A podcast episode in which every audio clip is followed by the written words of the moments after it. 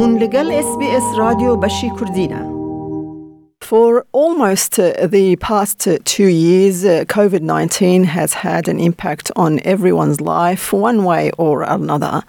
But today, away from the coronavirus uh, pandemic and on a happier subject, uh, we'll be speaking to Councillor James O'Shea about an important event that's taking place in Toowoomba, Queensland, which is the Toowoomba Carnival of Flowers.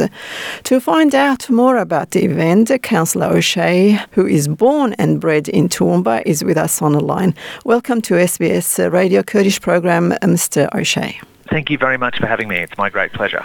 Uh, could you kindly tell us about Toowoomba's Carnival of Flowers, when and how it started? Yeah, absolutely. With uh, I can do that with great pride. So, the Toowoomba Carnival of Flowers is a wonderful tradition in Toowoomba, the Garden City. The origins or the history of the Toowoomba Carnival of Flowers date right back to the very first holding of the event in 1950. And the history of it is, is that back in 1949, Essex Tate, who uh, was the chairman of the Chamber of Commerce at the time, announced this new event that would uh, happen for the first time in 1950, the Toowoomba Carnival of Flowers. And his reasoning behind the event or the origins of it were one, to promote Toowoomba for its garden city image, but two, it was also an economic stimulus for the community post the war. So fast forward all the way to 2021, we've now had 72 Toowoomba Carnival of Flowers. It's continued to go from strength to strength. Back in 1950, the very first parade had around 50,000 people lining the streets to enjoy that. Is the event all about flowers or other uh, activities take place?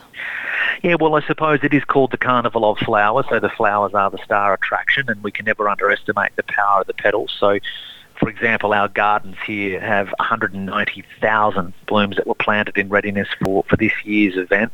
We have the Toowoomba Chronicle, the private garden competition, so uh, the home gardeners put together their garden, and, and, we have grand champions and prizes that are awarded along that line.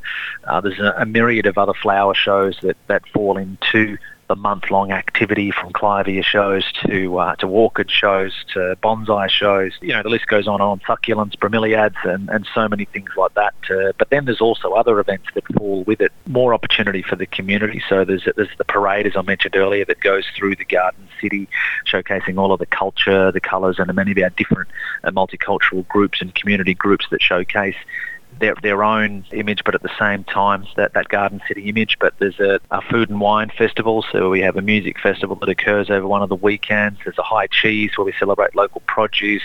There's a promotion that runs across the month called Treats, which is basically the opportunity where we see the flavour makers across our region develop a special Carnival of Flowers dish, which then people can come in and enjoy across the entire month. I see. And is the carnival held in a particular garden or is there a special garden for the uh, Toowoomba Carnival of Flowers?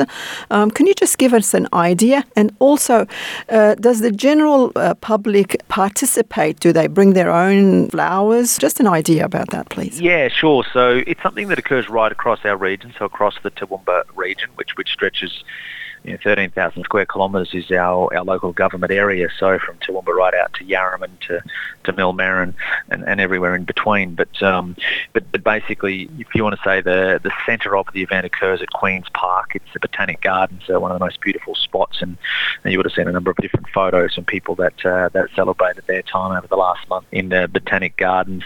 Uh, Laurel Bank Park's another one, Picnic Point. So a number of different parks from a council perspective, public parks that uh, that take part of it and have different activations in those.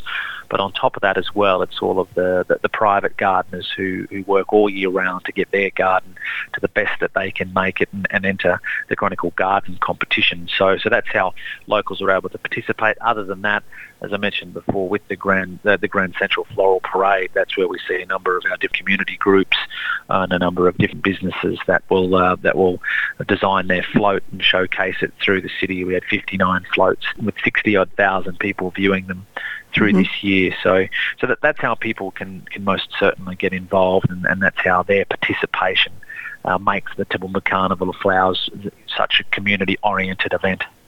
How much of an impact has COVID 19 had on the Carnival of Flowers in the last two years in Toowoomba? Yeah, it's significant, but at the same time, it, it's it's also highlighted to us once again the power of the petals, the opportunity for people to be outdoors. So, so last year, in the peak of COVID for the Toowoomba Carnival of Flowers, we were unable to have the Food and Wine Festival. We were unable to to have the street parade because just purely with social distancing and numbers and things like that made it uh, an impossibility. But we still were able to have our gardens showcased.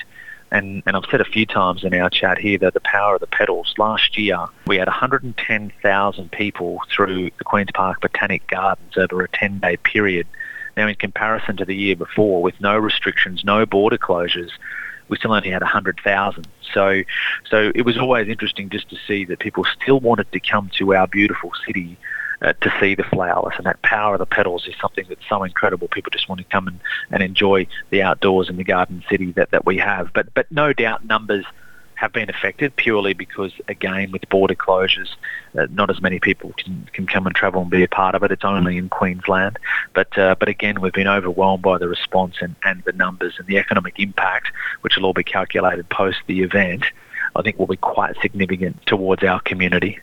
Um, James, slightly on a different note, um, Toowoomba is now the second largest refugee settlement uh, location in the mm. state behind Brisbane. And mm. one of those refugee communities is the Kurdish speaking community. I know they enjoy the Carnival of Flowers very much, but how are they settling there? Yeah, settling really well. Toowoomba's uh, a wonderful multicultural community.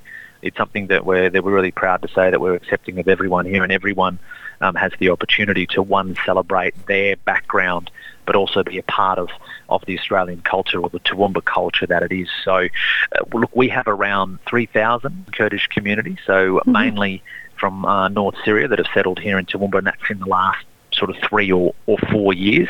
And again, with since the pandemic, March 2020, um, we haven't had any more intakes just as a, as a, as a result of that. But we've had many that have settled uh, across areas across Toowoomba. So from the Harlaxton area, and Toowoomba is one of the largest of the identified settlement place for, for the Yazidis in Australia. So, and and also you know that diversity within the community. So regarding to different dialects spoken and, and depending on regions where they've where they have come from, language obviously is a major barrier to, to increase participation and access to mainstream services. But we've certainly got a very robust network of, of settlement services and community providers that work to uh, to provide the the support that is needed there. But what I love about this community is the contribution they've made to this community. Yes, yes, they've moved out here to, to, to have a better life and they've moved out here to, to celebrate being in Toowoomba. But uh, incredibly, in the last three or four years, we've seen a real surge of entrepreneurs from communities. So, mm. and, and, many have been employed, whether it be within settlement services or schools or support workers and interpreters. Many have taken work as barbers, for instance, or trainees in the hospitality industry or enrolled in programs and for certificate or, or trade courses with, with the RTOs that, that we have in the area.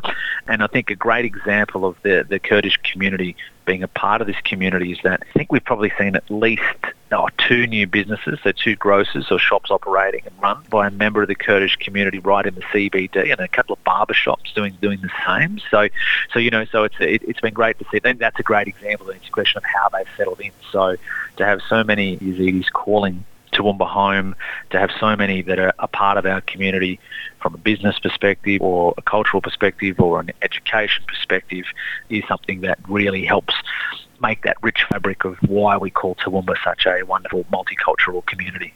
Going back to the um, Toowoomba Flower Show, uh, when is the last day? So it runs the entire month of September on the final night there in September. So it's been a really, really big month each of the weekends has has had a uh, a flagship event to celebrate each of the of the weekends. So weekend one, we saw the high cheese at Spring Bluff. Weekend two was our food and wine festival. Weekend three uh, which has just passed, was uh, was the Grand Central Floral Parade as well as Sideshow Alley and our Parkland Entertainment. And the final weekend, which we're approaching, is our uh, our wonderful new event that's been added to the calendar this year, and that is a a cinema under the stars, uh, a very family-oriented event that'll, that'll occur on um, on the Sunday night, the final night of, of the Toowoomba Carnival of Flowers. Councillor James O'Shea, thank you for your time and thank you for being on SBS Kurdish. Thank you for the opportunity. I really appreciate it. دەتەوێت بابەتی دیکەی وەک ئەمە ببیستی؟ گۆڕایرە لەسەر ئەپ و پۆدکاست گوگل پۆدکاست سپۆتفاای یان لە هەر کوێیەک پۆدکاستەکانت بەدەستدەێنیت.